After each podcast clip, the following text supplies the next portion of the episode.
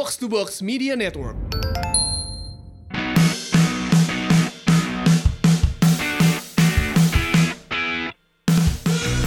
Box to Box Football Podcast kembali lagi ke hadapan Anda para pecinta sepak bola sedunia. Hari ini kita akan membahas banyak tentang review Premier League, La Liga dan juga Serie A plus pembahasan gosip-gosip seputar sepak bola. Stay tune di Box to Box Football Podcast. Assalamualaikum warahmatullahi wabarakatuh. Selamat siang, selamat sore, selamat pagi bagi yang mendengarkan uh, podcast ini berada di mana pun ini berada. Uh, dua episode berturut-turut di minggu lalu kita kedatangan Pangeran Berkuda, tapi Pangeran Berkuda kali ini harus uh, berlayar lagi keluar uh, ke pulau lain demi menjajah negara baru ya. Berarti gugur ya. Berarti Biasanya gugur. Kan, biasanya kan pangeran kan gak mau muncul kalau United kalah kan. Nah ini menang tapi gak muncul. Dan di episode kali ini ada Dex, apa kabar Dex, pandit komputer. Alhamdulillah baik. Dan ada rekan sejawat dan juga kecintaan kita semua, Coach Justin, apa kabar Coach? Aman. Gini, kemarin eh, setelah event Box to Box Live, Coach Justin dengan para eh, eh, pendukungnya dan juga para Pendukung. fansnya itu ngumpul bareng di luar eh, venue itu ngobrol apa aja Coach? Ya apalagi bola lah Liverpool lah City lah. Tapi lu tapi lu dengan dengan sabar membalas semua pertanyaan mereka ya. Iya. Membalas semua pertanyaan mereka ya. Maksudnya Iyalah. Maksudnya eh, itu kan menjadi sebuah eh, ciri khas dari box to box sejak awal ya kan.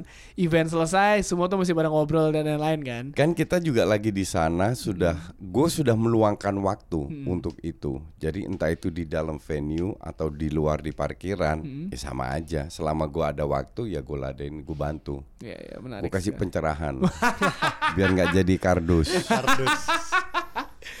Tapi eh, yang nggak kardus datang dari La Liga. Ini tim kesayangannya Justin menang 4-1 nih lawan Celta Vigo. Coach, ini sejauh ini masih roller coaster nih Barcelona. Eh, bisa Masih nggak jelas. masih nggak jelas Eh, kadang kita bisa bilang bagus banget mainnya kadang bisa bilang kok aneh banget mainnya kadang bisa bilang ya so-so lah Well, kalau dibilang bagus banget, gue udah bingung. Gue udah lupa kapan main bagus banget. kapan Dex? Kalau nggak salah waktu Tiga musim lalu kayaknya. Enggak, enggak. Kok lu lebay om. Itu berapa match yang lalu ya kalau nggak salah waktu Frankie De Jong di depan eh, sama Arthur mungkin di Champions League ya. oke One of those match lah. Iya. Pokoknya kira-kira ya satu dua bulan yang lalu lah. Hmm. Terakhir habis itu jelek, jelek banget. sebenarnya apa sih Dex lu ngelihat eh, eh, yang ngebuat Barcelona kita abis tanya ini gue bakal tanya Justin kalau ini kan si Justin pasti bilang Valverde eh, taktiknya ajaib lah. Se- sebenarnya sebenarnya ya sebenarnya ya ber- kalian berdua bisa bilang sinkron lah nih jawabannya sama nih ya kan? Eh, sebenarnya apa sih yang seharusnya yang mungkin harus dilakukan oleh seorang Valverde kepada klub eh, skuad Barcelona yang sekarang? Karena kita tahu kan saat ini kan sedang terjadi regenerasi kan? Pelan tapi pasti eh, pemain-pemain yang sudah juara-juara juara itu disingkirkan pelan-pelan ya ya. kan? Gua sih eh, apa lihat Barcelona gak, gak ja- jarang nonton ya. Cuman kalau lihat dari kan gue pandit komputer. Jadi lihat statistik kan. Menurut komputer lu gimana? Nah, gue kelihatan parah tuh waktu lawan Slavia Praha. Slavia Praha kan dua home dan away. Iya. Itu kelihatan banget beda begitu yang pas mereka Parahnya di mana? seri kan mereka didominasi kan. Iya. Slavia Praha lebih mendominasi, cuman hasilnya nggak bagus. Terus yang pertandingan berikutnya, minggu berikutnya ternyata Barcelona bisa mendominasi, cuman hasilnya juga nggak mengembirakan. Jadi memang di sini bukan masalah di permainan sih kalau gue Enggak lu nggak nonton?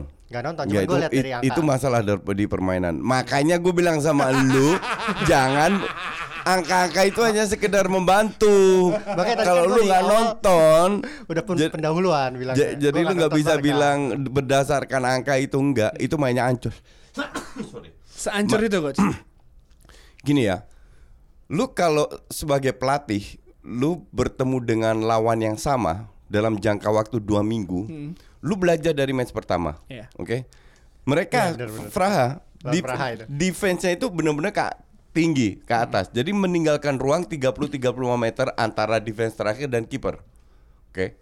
Lu sebagai pelatih harus bisa memanfaatkan dong. Yang terjadi apa? Ada enam pemain Barca, satu di belakangnya, dua di sayap dan dan satu lagi. Jadi 4-6 pa- praktis 4-6 lu ngapain taruh 6 pemain di situ yang lu harus lakukan adalah toh mereka tetap stay very high bukan Iya. ada 4-5 pemain lu Tiga is more than enough. Sisanya lu geser ke belakang, cari celah untuk melakukan true pass. Hmm. Oke. Iya, bener. True pass adalah memanfaatkan Space. space yang dikasih sengaja oleh. Praha. Itu emang strategi mereka. Oke. Dan ini nggak terjadi. Mungkin dapat dua kali atau tiga kali eh, true pass yang nggak berhasil. Gue nggak ngerti ya. Zamannya Pep, Pep itu ngelewatin lawan bukan dengan skill individu. Sekali-sekali iya. Tapi biasanya dengan passing. Hmm. Ya kan? Iya sih. ha. Beda memang, De- beda. Ah. De- dengan passing lu bisa ngelewatin lawan dan kemarin Barca yang sekarang ini bukan tidak tidak jarang passing passing sih passing cuman passing passing aman ngerti nggak bukan passing penetrasi itu jarang gue lihat dan lebih mengandalkan Messi nggak ada Messi kemarin selesai itu Selalu kan Barcelona dengan Messi adalah satu kesatuan yang tidak bisa dipisahkan. Ini akan menjadi permasalahan ketika eh, Barcelona Messi pensiun. Ya apakah ini itu? Ya. Eh let's say kata itu tiga dua dua tiga tahun dua lagi tiga musim pensiun. maksimal empat musim udah Pensiun atau pensiun lah. dulu dia. Kenapa Mungkin Langsung pensiun sih kan? feeling gue. Atau balik ke Barca eh, ke Nggak, Argentina. Lagi. yang yang gue takutin kan dia itu tambah tua tambah rentan cedera Iya. Nah itu entah dia mau balik lagi atau enggak, gue nggak tahu. Tapi sepanjang karirnya paling maksimal empat tahun. Iya. Feeling gue dua dua tiga dua tahun lagi mungkin udah agak menurun. Iya. Dan harus ngerubah gaya bermainnya kan. Ya me- memang dia ini kan main lebih pakai otak daripada otot ya. Jadi pemain kayak gitu kan last long. Iya, Iya. harusnya. Dan Harusnya kayak kayak Ronaldo, Dia- Zlatan gitu iya. la- last long lah. dan mungkin harus ngelihat apa yang dilakukan Sir Alex kepada Ryan Giggs saat itu kan Ryan Giggs juga lagi Iya, muda nggak iya. main tiap Iya, minggu. main di sayap lagi. Tapi ketika ada pertandingan penting dia selalu ada Iya. dan menjadi kunci permainan dan ini emang harus dipersiapkan untuk Barcelona hidup tanpa Messi. Hidup tanpa Messi itu bisa. Hmm. Karena waktu nggak ada Messi pun Barcelona berjaya. Hidup sih hidup, cuman Banget. hidupnya gimana nih? Nah, mak maka da- makanya gue bilang waktu belum ada Messi kan Barcelona juga berjaya puluhan tahun, ngerti nggak? Walaupun ada daunnya tapi naik lagi, daunnya satu dua tahun habis itu up lagi, down dikit up lagi. Cuman ini kan butuh sebuah policy dari manajemen short term, mid term, and long term. Nah yang long term ini nggak ngelihat, nggak nggak gue lihat. Kemungkinan besar, gue rasa Bartomeu tahu bahwa dia di, di 2021 nggak salah ya, atau 20 Mau pemilu lagi ya? akan diganti. Dan apakah eh, di belakang layar Barcelona Bartomeu juga kita tahu sejak eranya Xavi, Iniesta, Busquets dan kawan-kawan itulah La, La Masia eh, Barcelona praktis tidak terlalu banyak eh, mempromosikan pemain-pemain akademi. Jadi apakah ini sebuah tren yang berubah di Barcelona atau mungkin kebijaksanaan dari eh, direktur-direkturnya Barcelona? Kebijaksanaan. Kebijaksanaan ya. Kebijakan. Kebijakan, anjing kebijaksanaan, Heeh, kebijakan. Gak tahu kenapa Barcelona nih dulu kan dulu kan terkenal dengan La La Masia. Ansu, Ansu Fati itu dari La Masia, ya? Iya, bukan? iya mas- lama sih. Ya paling gitu aja yang sekarang-sekarang kedengeran. Kalau nanti-nanti gua juga nggak nggak yakin sih. Gue nggak tahu ya. Jadi pemain berbakat itu tidak cuk tidak akan menjadi bintang kalau dia tidak dibimbing dengan benar. Oke. Dan sebaliknya, pemain yang tidak terlalu berbakat akan bisa sukses kalau dia dibina dengan benar. Iya. Dan ultimate-nya kan berbakat dan dibina dengan benar. Iya. Nah, kalau lu lihat pada saat Bartom Bartomeu masuk, itu satu tim pelatih youth-nya La Masia yang bermain di di seri eh, kayak seri di Sekunda, Sekunda Division, itu dipecat semua. Akhirnya mereka degradasikan. Nah, ke La Liga 3. Iya. Dan dari generasi itu memang nggak ada. Dan kelihatan yang main pun sampai sekarang yang yang benar-benar kelihatan untuk gue ya itu cuma Ansu Fati. Yang namanya Perez, buset, ini kayak kuda kayak kayak kuda ditutup matanya main asal lari aja. Dan itu udah da- dari zamannya si- siapa itu yang main di Betis Siapa ya? Zamannya Montoya terus si Munir. bukan kalau Munir gue bilang dia salah pilih klub maka du- dulu jago. ma- makanya jarang main Nah. nah, pada saat jarang jadi- main Munir, ja- Munir tuh dijual apa berkembang. dipinjemin sih? Kayaknya- Awalnya dipinjemin dulu. Dipinjemin kan? kayaknya dipinjemin cuman dia di Sev- Sevilla kok nggak salah eh Iya. iya Iya, kok. Iya dia dia dia di Sevilla pun juga jarang main. Munir sekarang berada dia di Sevilla. Iya Serang, di. Sevilla pun sekarang lebih pasang Cicareto atau Luke De Jong. Iya, dia eh, musim ini di Europa League sih 4 4 game 5 gol ya. La Liga belum ya nyetak gol sama sekali. ex- dan jarang main juga kan. iya. Nah, ini ini ini juga menjadi masalah untuk pemain yang salah pilih klub. Kayak pemain kayak Denis Suarez mah dari awal gue udah bilang ini pemain sampah. terus eh, terus yang kayak Everton siapa namanya? Boyan Andre Gomez. Deulofeu. Deulofeu. Deulofeu. Itu itu kan semua Tapi generasi balik generasi lagi ya Luvio ya. Deulofeu sempat ke Milan terus balik ke Barcelona tapi sekarang menemukan karirnya di Watford. Emang dia tim spesialis tim-tim semenjana aja lah ya. Enggak dan dan memang pemain-pemain itu memang nggak bagus. Hmm. Cuman yang yang bagus yang sayang dilepas itu Onana Oh, Onana. Kipernya Ajax. Onana. sama Traore masih lumayan lah. Hmm. Itu dilepas juga. Traore ada sama Traore, Adama di, di, di- dipanggil timnas sekarang. Iya. Jadi memang nggak nggak ada yang benar-benar eksepsional ya kecuali Ansu Fati. Ansu Fati ada kemungkinan main di Indonesia ya. Piala Dunia. Iya. Oh iya, karena Piala Dunia dulu ini ya. Iya akan akan di, bu- bukan ada kemungkinan Pasti feeling- feeling main. gue dilepas. Hmm, Lepas lah. Dan setelah ngomongin Barcelona kita tahu Barcelona juga menang 4-1 tapi yang nggak kalah luar biasa Madrid juga menang 4-0 setelah uh, kemenangan besar mereka di Liga Champions lawan Galatasaray. Madrid dan Barcelona kan sejauh ini ya dua tim teratas ya. aman lah ya ini Aman kejar-kejaran poinnya sama ya kan. Dibilang dibilang padahal dibilang jelek mainnya, cuma Iya. tetap di atas. Ugly win tapi begitu aja sejak awal musim. Nggak, the problem dengan ugly win adalah Dia lu tidak poin. tahu bukan The lu tidak team. tahu apakah lu next matchnya akan ugly win lagi. Tapi kalau lu bermain dengan permainan bagus, kemungkinan besar next matchnya lu akan menang Iya. dengan permainan bagus. Karena permainan bagus itu dilatih dengan sebuah konsep yang akan terulang lagi. Sementara ugly win lebih ke faktor luck, Iya. kebetulan. Ngerti nggak? That's why gue coba selalu mencuci otaknya fans kardus itu. Menang kalah ya, that's part of the game. Tapi bagaimana kita mem- memperbesar peluang untuk bisa menang Betul. gitu. Jadi kembali lagi ke ke Madrid, gue setuju Madrid menang besar, percaya diri meningkat di di Champions. U- champion sama La Liga. Cuman untuk gue mereka udah bukan raksasa Eropa lagi yang mendominasi semua itu. Barca dan Madrid. Ya. Justru sekarang yang mendominasi di Eropa dari sisi permainan untuk gue Pula Man City. Ya kalau kita eh, ngelihat eh, ini kita narik ke belakang ke Liga Champions. Liga Champions ini sebenarnya tidak ada tim yang diunggulkan banget kasarnya di Liga Champions, ya kan? Bahkan Juve enggak. Iya, bahkan eh, Liverpool aja kalah monopoli. Permainannya di Liga Champions pun belum belum belum terlihat. Tapi emang Liverpool setiap eh, fase grup memang selalu kayak gitu kan Iya. kelakuannya kan. City pun yang kemarin di Atalanta eh, yang harusnya bisa menang tapi akhirnya imbang, satu sama. Jadi eh, sebenarnya yang menjadi juara tim-tim kejutan yang di musim ini Liga Champions sebenarnya kesempatan untuk mereka untuk jadi juara tuh ada banget ya. Ada, ada. Dan kemungkinan besar saat-saat yang untuk untuk eh, pengulangan final eh, apa Monaco lawan Monaco Porto, Porto. itu bisa banget ya kan Hmm. bisa banget jadi untuk tim-tim itu eh, kesempatan terbuka lebar dan juga apalagi tadi coach bilang Juventus emang nggak ada apa di Champions pun juga belum sebagai salah satu kontender terbaik karena di Serie A sendiri Juventus harus membutuhkan seorang Paulo Dybala untuk mencetak satu-satunya gol melawan AC, Milan. Dan di sta- eh, klasemen Juventus masih ur- urutan pertama kejar-kejaran sama Inter Milan. Sedangkan AC Milan tuh urutan 14 loh dengan eh, poin 13, eh, tiga kali kalah, satu kali menang dan satu kali imbang di lima pertandingan terakhir termasuk lawan si eh, Juventus. Eh, fans AC Milan pun sudah sepertinya sudah bersama-sama bergandeng tangan melihat se- apa namanya ngelihat eh, pasrah saja melihat pen- penampilan timnya musim ini. Apalagi eh, setelah digantinya Gennaro Gattuso kan musim lalu kan sebenarnya Gattuso itu kan eh, bisa kita bisa bilang sesampah-sampahnya AC Milan itu masih bisa masuk masuk Eropa loh. Ingat nggak musim Iya, lalu siaran iya, kan? iya, iya, ya kan iya. sama-sama AC Milan masih masuk dengan masih Iya. masuk Eropa dengan pemain yang ada. Ya kan? Dan urutan 13 sebenarnya urutan yang seharusnya tidak terjadi kepada klub sekelas AC Milan. materinya nggak nggak jelek-jelek amat. Hampir sama kayak musim lalu kan? Gak, gak bagus cuman gak jelek. Nih ya. Kalau buat peringkat 13 14 tuh enggak. Sebenarnya- harusnya enggak sih. Ngaruh gak sih coach sebuah klub besar yang mungkin sudah 2-3 tahun dengan klub ah, pelatih yang sama tapi walaupun tidak mendapatkan hasil maksimal di musim selanjutnya diganti pelatih baru dan penampilannya tidak malah lebih buruk dibandingkan eh, pelatih sebelumnya itu Iya. ngaruh gak sih?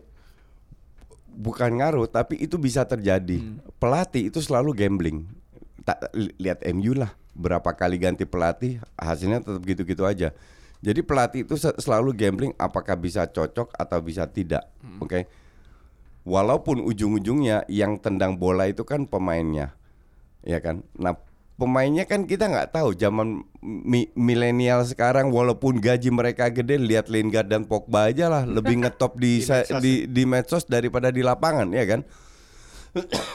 Jadi kembali lagi apakah pem- pelatih ini bisa memotivasi pemain yang datang dari berbagai negara dengan berbagai eh, budaya eh, bisa menyatukan dan gue udah puluhan kali bilang ya gue nggak impress dengan pelatih Italia kecuali mungkin bahkan Ancelotti nggak Conte sama Sari masih oke at this Fabio moment. Capello. Nggak itu kan dulu banget nggak seka- seka- Yang sekarang, yang sekarang, seka- sekarang. yang 5-10 tahun terakhir lah Conte. Ngomongin Conte, Conte musim ini berhasil mengubah Inter Milan menjadi Conte masih lebih bagus ya, lebih jumawa. Maksudnya eh, kita lihat di beberapa musim terakhir Inter Milan kan ya hampir sama kayak AC Milan lah, goyang-goyang-goyang tipis gitu. Tapi Ya. sekarang Inter Milan berada di urutan kedua, beda satu poin dengan Juventus. Dan apakah ini kembali kita melihat persaingan Inter dan dengan juga Juventus di papan atas Italia karena seorang Conte? Ya nggak Saat sih? yang terdekat ini Ya bagi kan? Inter Milan nih. Menurut menurut lu gimana? Menurut lu gimana? Apakah Ya. ini gua gua gua gua pribadi gua berharap Inter Milan yang juara. Gue gua juga berharap gitu Ya kan? karena sudah bosan sih. Udah bosen gak sih lu liat Juventus juara mulu ya kan? Terus juga ini kesempatan emas bagi fans-fans Inter yang sudah menderita dari dulu-dulu. Eh, ini saat-saat terdekat kayak kalau musim lalu tuh lo bilang tadi Monaco Porto sebenarnya musim lalu Ajax Spurs hampir terjadi. Hampir terjadi Ajax Spurs ya kan? Nah musim ini Inter Milan bisa harusnya. Itu bedanya berapa sorry tadi? Eh, satu poin doang. Satu poin. Bisa bisa. Bisa Realistis lah, banget. realistis banget lah. Dan Juventus ya, tapi ini eh, balik lagi Juventus emang di awal musim suka suka kayak ngeselin gini. Tiba-tiba nanti di tengah musim udah jauh aja poinnya, ya kan? Selalu kayak gitu. Gue sih lebih percaya Conte ya kalau dari sisi pelatih ya. Gue sih nggak peduli siapa yang juara I mean gue tidak begitu tertarik dengan Serie A terutama dari sisi permainan untuk gue untuk level Eropa ya itu masih very low except Juve Hmm. makanya gue bilang untuk gue yang juara ya tetap Ju- Juve, Juve. lagi Karena gue lihat Inter Milan berapa kali main I'm not impressed at all at all Sama sekali. J- ya jadi di, di luar skor ya Hmm. di luar skor gue bilang ini masih old school cara bertahannya cara cara It's- menyerangnya It's Antonio Conte. Tapi cocok nama Tapi emang Inter, cocok. eh. Co- co- cocok di Serie A mungkin ya. Iya. Cuman kalau di Eropa gue rasa Di Eropa nggak. di- mereka Di- di kesusahan Chel- kan? Di Chelsea semusim nyetel tuh, habis Ah, itu enggak. musim iya. enggak. Habis itu dan dan dia nggak mau berubah. Iya, iya. Iya. Walaupun kalah-kalah pokoknya dia nggak mau berubah. Di Inter sekarang kan persis kayak di Chelsea kan? Iya. Iya, tiga empat tiga ya kan? tiga tiga lima dua. Iya, tiga tiga empat tiga apalah itulah ya. Dan eh, selain Juve Inter Milan, eh, Lazio urutan 3, Cagliari nih urutan 4 mantap. Tapi kita nggak bahas Cagliari karena ada satu hal yang kita bahas penting. Ini adalah kekalahan Arsenal 2-0 dari Leicester City. Coach, apakah kita sudah bisa bilang secara secara sahih dan juga secara sah nih kita bilang Emery out. Itu udah ber- berapa match yang lalu. Tapi dengan kekalahan ini kita bisa bilang teriak kencang gak sih? Emery out gitu. Iya. Gini ya. Gue lihat di line up kan gue siaran. Hmm. Ya kan gue siaran. Pange kan lo? Eh enggak gue siaran Man United, Brighton. Lu siaran gue main MU, enggak, enggak, MU, gue nonton, gue gue Mm. nggak saran gue nonton. Gue lihat line up, yes, mantap. Tiga, empat, tiga. Di mana eh, siapa namanya? Ozil main kan? Si Ozil main di belakang O- Oba Malaka. Oba sama Laka. Kalau lu main punya dua striker Oba Malaka, lu taruh di depan dong. Iya. Di belakang Ozil playmaker oke kan? Hmm. Harusnya sa- saya buat siapa? Yang buat buat midfieldernya dong. Iya. Iya kan? Atau wingback lah. Iya, kok Kolasinac sama Bellerin. Metal Niles. Eh, Metal Niles. Kemarin Bellerin main. sama Bellerin, Hmm. ya kan? Yang terjadi justru Auba di sayap kiri, pojok pinggir lapangan, Laka di sayap kanan, pojok pinggir lapangan. Iya. Gue bilang ini main kayak apa ini? ada- False nggak ada. nine ini maksudnya. Enggak bener-bener jadi Kalau winger. Forten kan Terus di strikernya yang- siapa? iya Ya, Ini di, exactly. di sayap jadi sayap Exactly, nggak Strik- stri- strikernya terus siapa? Jadi orang orang nggak pinter aja akan tahu lu kalau lu taruh kalau asumsi laka laka eh, set pegang bola terus bola itu mau ke mana? Ini yang gue nggak habis pikir gitu loh. Gue nggak habis pikir kalau lu main dari line up sih di atas kertas top. Iya, top bagus. Iya kan? Cuman Gawat line apa ini mah? en- entah entah tiga tiga empat tiga atau empat tiga tiga whatever lah. Pokoknya intinya adalah justru dua pemain ini harus di tengah. Ya kan? Terima bola didukung sama Özil. Umpan Si- wantu sis- lah. sisanya adaptasi. Bukan ini dua striker justru malah melebar. Ya gua gua nggak habis pikir aja. Lu kalau lihat Leicester ya Hmm. Ya un- untuk gue Le- Leicester itu pemain bahkan Vardy untuk gue itu mediocre semua. Iya, berarti mediocre Iya itu kan? semuanya. Tapi mainnya Setuju. keren loh. Tapi emang apakah Tapi Leicester asli Iya, keren. iya, iya. Jelas patternnya jelas. Bola It's- ke Tielemans, ke Madison, Iya. ke sayap, siapa yang di lini kedua, Iya. Vardy ke mana. Itu jelas bener-bener jelas semua sangat jelas. Ini karena kualitasnya mediocre dari peluang yang mereka dapatkan tidak bisa dikonversi ke gol. Kalau itu yang main kualitasnya pemain City atau Liverpool Gol semua. 6-0 itu. Serius. Gue baru merasakan Brendan Rodgers yang bagus tuh di Leicester loh. Waktu di Liverpool nggak kerasa. Nggak segini, betul. karena Liverpool mungkin kebantu dengan pemain-pemain bintang. pemain-pemain bintang Stevie dengan namanya ya. Suarez, bahkan Dennis sekarang Sturridge. baru kelihatan gue setuju gue juga tidak begitu impress dengan Rodgers bukan pelatih jelek ya Iya. tapi oke lah biasa tapi semenjak di Leicester bahwa oh ini pelatih ini hebat Dan dia itu kan Swansea City loh kan. Ah, Swansea. Swansea eh, pindah ke Pool. Liverpool di apa di pool dipecat ganti Jurgen Klopp keputusan terbaik Liverpool walaupun sebenarnya Rodgers tuh hampir, membawa hampir. Liverpool juara Iya. karena kesalahan pemainnya aja lah ke kecederaan nggak jadi juara dan ketika dia pindah ke Leicester City menurut gua adalah satu Leicester sedang drop drop banget kan Ah, iya down eh, setelah pasca yang Dia dia, juga di juara Celtic kan. Celtic Iya, lagi jaya-jaya. di Celtic ya kalau kita ngomong Celtic Agak gambling sih di dia Scottish Premier League kan ya udahlah itu antara Celtic sama Rangers saja kan. Iya. Eh, mungkin sesekali Aberdeen tapi kan ya udahlah ya. Sekali udah Sesekali. Sir Alex, jawabannya Sir Alex anjing. 40 tahun sekali Iya.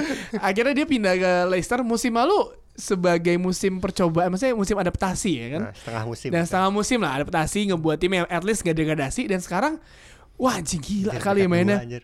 Oke kita bahas Leicester sedikit ya. Kasper Schmeichel ya udahlah. Kita Hmm. siapa sih yang eh, meragukan seorang Kasper Schmeichel jebolan Academy City loh itu? Academy City. Kegeser gara-gara Shea Given dan kawan-kawan. Eh, apa Johar, namanya? Ya kan Johar ya, apa namanya? eh, revolusi City. Johnny Evans itu adalah salah satu kesalahan utama Louis van Gaal untuk melepas Johnny Dijual, Evans, ya kan dijual. Pengganti Harry Maguire, Soyucu, buset, itu gawat banget tuh nge-back itu ya kan. Iya sih. Duet dua pemain ini menurut gua salah satu uh, twin tower oke lah di Premier League ya kan. Ya kita nggak bisa bilang ini tim superstar. Maksudnya hampir semua kualitasnya merata. Ben Chilwell langganan timnas Inggris, geser De Niro sama Luke Shaw juga kan cedera. Uh, Pereira di kanan, Ayoze Perez dibuang dari Newcastle, dipungut nama Leicester. Jadi jago Jadi banget. jago. Yuri Tillmans coach. Ini kan pemain emang emang dasarnya emang udah bagus kan. Iya Pemain bagus dan ketika pemain dia berbakat lah dan ketika dia pindah ke Leicester, kenapa dia pindah ke Leicester? Harusnya kan dia sekelas Arsenal Chelsea pun dia masih bisa kan. Tapi dia akhirnya memutuskan pindah ke Leicester dan cocok dengan gaya bermain yang berdua dengan James Madison. James Madison ya. Ya kan? Eh, di kirinya Harvey Barnes. Harvey, Harvey Barnes Barnes. setengah musim musim lalu dipinjemin ke West Brom.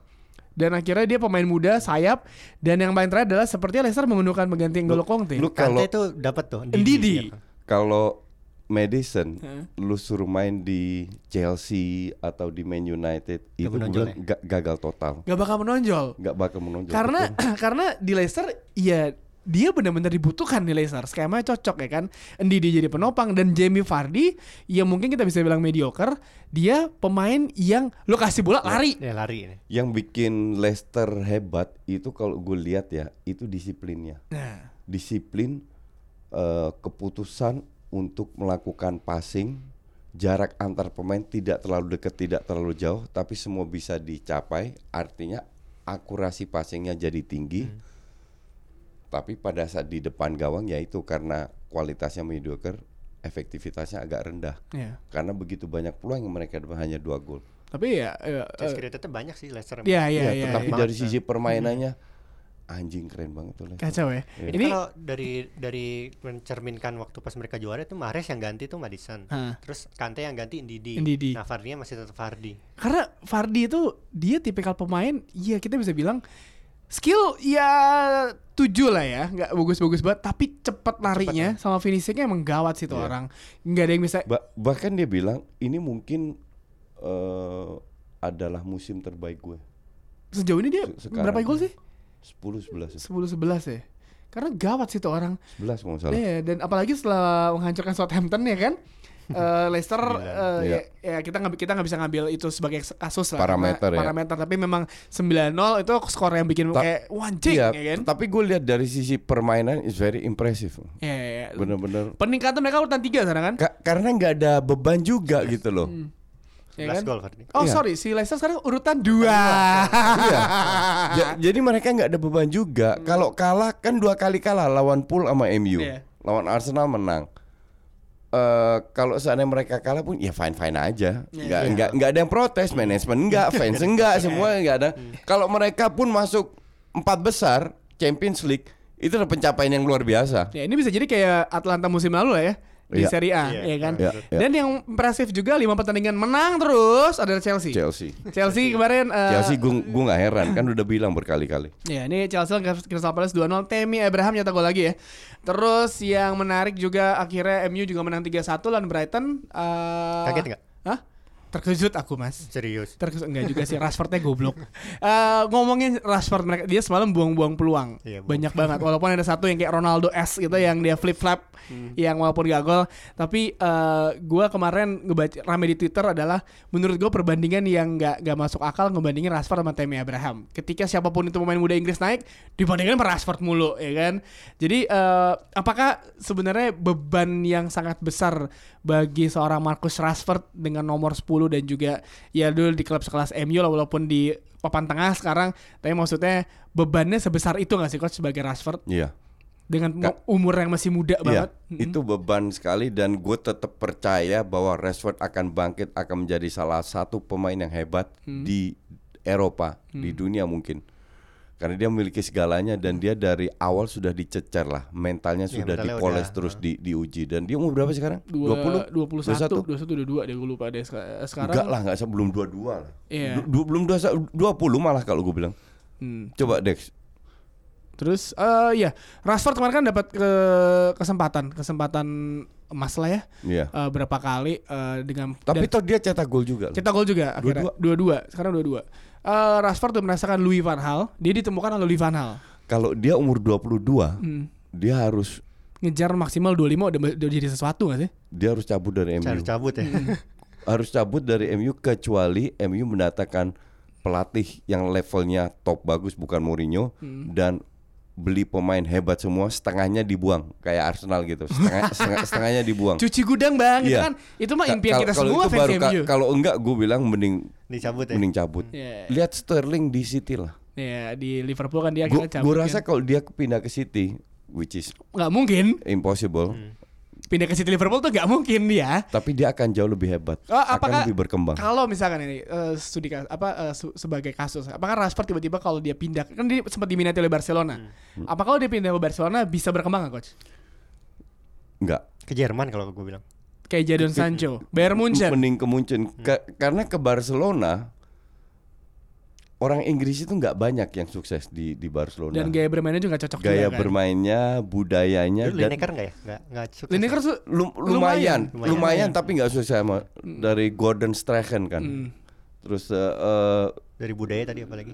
apa namanya nggak dan dan dia nggak bakal tiap minggu main Pa- banyak. pasti rotasi kan Hmm. dan untuk seumur gitu mending jangan ke Barcelona Mendingan atau nggak bertahan di MU sampai keliat 24 25 kalau nggak ada perubahan Ya, pindah. Cabut. itu selalu yang dikatakan oleh Frank de Boer. Hmm. Zaman sekarang pemain-pemain terlalu cepat pindah, ujung-ujungnya balik lagi Gatot. Nah, Da- Eh, zaman dia bilang zaman gue dulu, gue pindah umur 27. Hmm. 26 dua- 27 di ke Barcelona. 27 tuh udah mendekati emas kan ya? Iya. 28 lah mas. Ya, dan dia 4 tahun starting starter terus. legend. Let's say 24 25 lah. Lu pindah tapi make sure lu jadi starter. Iya. Ngerti nggak?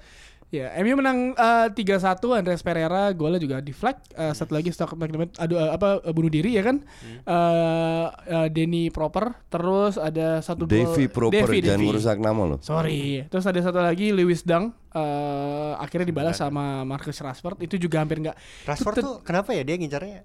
Selalu ada satu sa- sa- ada, ada, ada satu peluang emas. Kiri atas.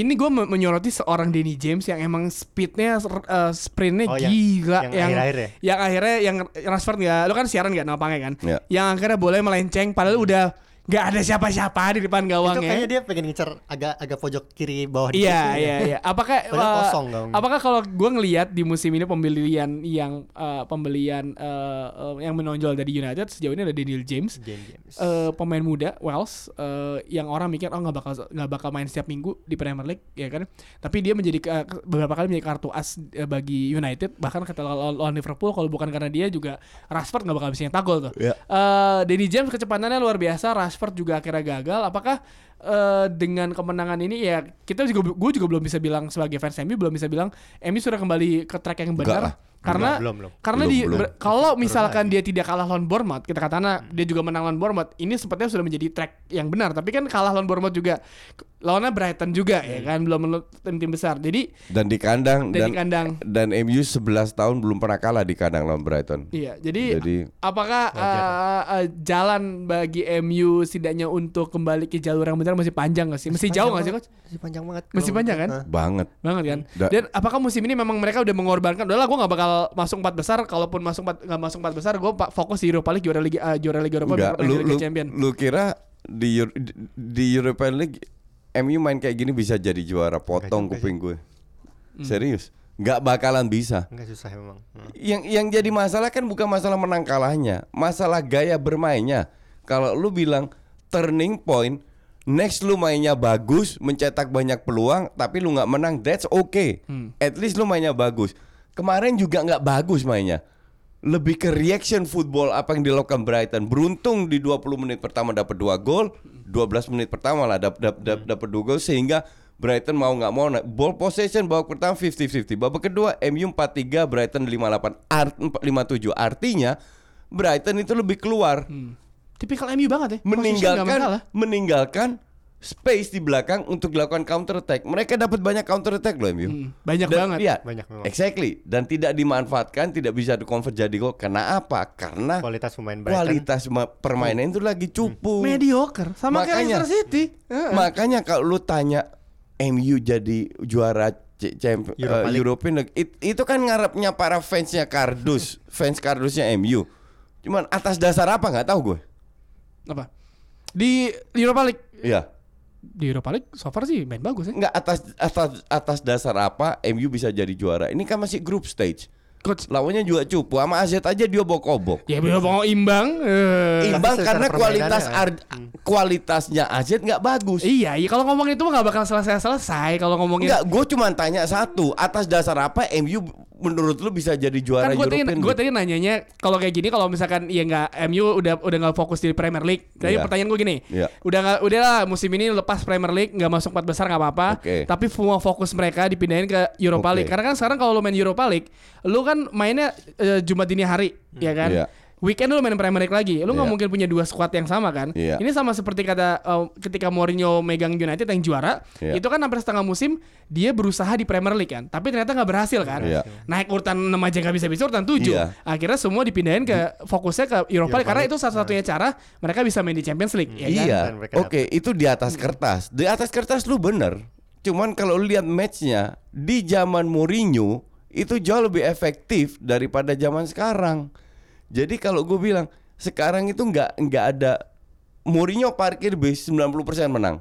Gue setuju sih. Nah, Ya, itu Mourinho mah tuh iya. Ya, like it or not. caranya pragmatis banget. Iya, Jadi tapi menang. Ah, tapi menang. ah, Nah sekarang Oli mau parkir base mau nggak apa nggak jelas juga gitu loh. Jadi untuk gue nggak ada alasan sama sekali untuk bilang bahwa MU akan menang European League. Nggak, gue nggak bilang menang. Fokusnya dipindahin ke sana Oh, karena ka- kalau fokusnya di sana ya karena kan gue gua- be. iya gue bilang kan Iya, tadi kan iya. lu udah nggak lu lu un- untuk masuk urutan 4 aja kayak udah susah banget nih. Iya. Ya kan poinnya aja udah kayak ya elah udahlah lu setiap minggu aja belum bisa tentu menang menang terus ya Iya, kan. iya, iya, iya. Jadi mau nggak mau lu fokus di uh, Europa League yang nggak setiap minggu main yang apa perjalanan panjang dan PR-nya adalah ketika masuk fase uh, fase uh, babak selanjutnya kan ada tim-tim dari Championship yang turun tuh. League, Ya kan ada beberapa kandidat-kandidat yang berat yang bakal datang juga. Jadi memang perjalanannya panjang kan, tapi kan it's ini kan turnamen yang kita bilang coach. Turnamen kan lo nggak butuh eh, lu cuma butuh fokus satu pertandingan itu, pertandingan itu lagi kan. Kalau di Premier League kan lu panjang nih Hmm, perjalanannya kan dan lu menang 1-0 pun tetap 3 poin juga kan. Tapi lo lihat jadwal pertandingan United berikutnya deh. Tapi di atas kertas lagi tuh Di ya. atas kertas. Mudah, lumayan mudah sih di Premier League. Jangan bilang lumayan mudah. Kayak biar- kemarin lawan Bournemouth aja gue yakin kayaknya bisa menang ternyata kalah. Nggak bisa. Iya, gitu. gi- Makanya gue gue juga kalau lihat Man United sekarang kayak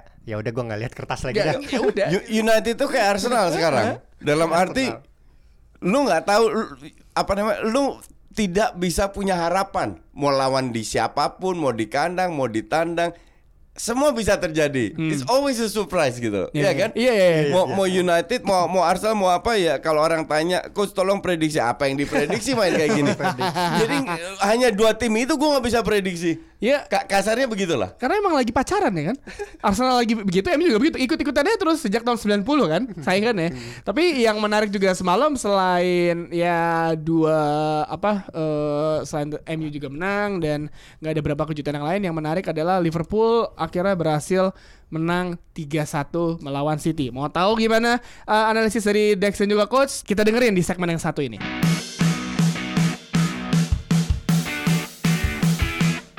Liverpool lawan City akhirnya ini terjadi juga semua yang ditakutkan oleh para fans United. Kalau akhirnya itu Man City menang baru akhirnya. Oh enggak, akhirnya akhirnya terjadi juga eh, kejadian yang ditakutkan oleh para fans Man United. Itu Liverpool menang. Dan menangnya juga telak 3-1. Dan, dan layak. dan Layak, layak layak menang. Dua gol eh, satu gol tercipta cepat banget. Eh, gua kita review cepat aja kali ya. Eh, gua inget itu clear eh, apa namanya sapuan Fabinho ya? sapuan dari Gundogan yang gak sempurna jatuh di Ke Fabinho, tendangan geledek dang. Cuman gue pertanyakan kalau seandainya kipernya Ederson itu dapat nggak ya? Enggak juga sih. Enggak, Enggak ya? juga, enggak Tendangannya juga. bagus, Emang- emang kok- tendangannya Emang kencang. Emang ke pojok banget ya. Siapa pun itu kiper bahkan Alisson pun menurut gue juga Iya. susah karena itu Iya, emang iya. kencang banget kan. Oke, oke. Eh, Fabinho nyetak gol di menit 6, 6 menit setelah itu Mo Salah. Iya kan? Sundulan ya. Sundulan. Yang terakhir akhirnya Mane. Sadio Mane. Sundulan. Sundulan juga dan terakhir Bernardo Silva memperkecil keunggulannya 3-1 tapi sudah telat semuanya. Liverpool bermain layaknya seperti Liverpool. Pressing meninggalkan tiga pemain depan mereka jaraknya jauh banget pemain tengah tuh. Lu lihat lu lihat ketika pas eh, Enggak, Pak, pada saat pada saat eh, apa namanya mereka di press juga itu mereka parkir bis loh. iya. Ada momen-momennya di mana parkir bis, ada momen-momennya di mana kan mereka mel- melakukan high press. Tapi Hmm. high pressnya nggak terlalu bagus sehingga City gampang keluarnya kalau Iya. gitu. Dan City kan juga tanpa Ederson, tanpa Sadio uh, Mane juga eh, terus tapi dengan Aguero tapi juga gagal menciptakan gol. Eh, yang Akhir itu katro butuh berapa peluang lagi Sampai di depan gawang aja nggak masuk gitu. Dia ada hantu sama Anfield Gue ya. bingung iya. Kayaknya, kayaknya, Dia nggak kayaknya. pernah cetak gol di Anfield kan. Dan yang menarik yang gue lihat adalah insiden eh, tangannya siapa Robertson nih? Ah, Robertson atau siapa ah, tuh gue ah, lupa. Yang pemain Trent Liverpool, Trent Alexander yang itu yang jelas banget di depan mata. Itu sebelum golnya Fabinho. sebelum golnya Fabinho dan semua protes kita melihat kita sempat ngebahas ya nih eh, preview oh, sorry review Liverpool City kita nggak usah bahas kita tahu Liverpool unggul di segalanya. Pep Layak, Guardiola udah kalah di segalanya oleh Klopp di musim ini dengan kemenangan ini. Jaraknya semakin jauh ngebuat eh, City kemungkinan besar tertutup kan saya hampir susah lah untuk mengejar kalau Liverpool nggak kepleset seperti musim lalu. Jadi yang mau gue sorot adalah kualitas dari wasit Inggris dan juga VAR yang menurut gue sejauh ini makin aneh banget sepanjang musim ini. Ke sebelum pertandingan ini ada si Sheffield lawan Spurs Spurs ya. yang Dan cuma Spurs. jari doang. Ya kan jari di, di- dibilang offside. Dan ini akhirnya pernah uh, uh, handsball jelas banget. Hmm, di- enggak Jelas banget nggak offside dan ini terjadi sejak awal musim kan permasalahan uh, wasit Inggris di dengan VAR ini yang menurut gue mereka Yang kayak gua- belum belum belum belum sinkron deh Gue tidak tahu apakah itu belum sinkron atau apakah mereka punya interpretasi sendiri di mana menerapkan VAR yang tidak eh, uniform dengan aturan dari UEFA. Maksudnya Ini gue pertanyakan. Nggak kalau kalau gini Jadi Kalau si Champions League La Liga Serie A itu kan ada TV kan di samping. Inggris itu kan nggak taruh TV Oh, kan nggak- untuk menghindari TV-nya ya. tekanan-tekanan kan. Jadi si wasit ini kan sebenarnya juga nggak nggak tahu kan sebenarnya kan dia mendengar dari masukan dari tim VAR yang ada di London kan. Iya. Dengar dan dia memutuskan kan. Dan menurut gue itu nggak efektif. Karena kayak ya buat apa lu ada VAR anjing kalau cuma gitu doang ya kan mendingan wasit gak usah pakai VAR.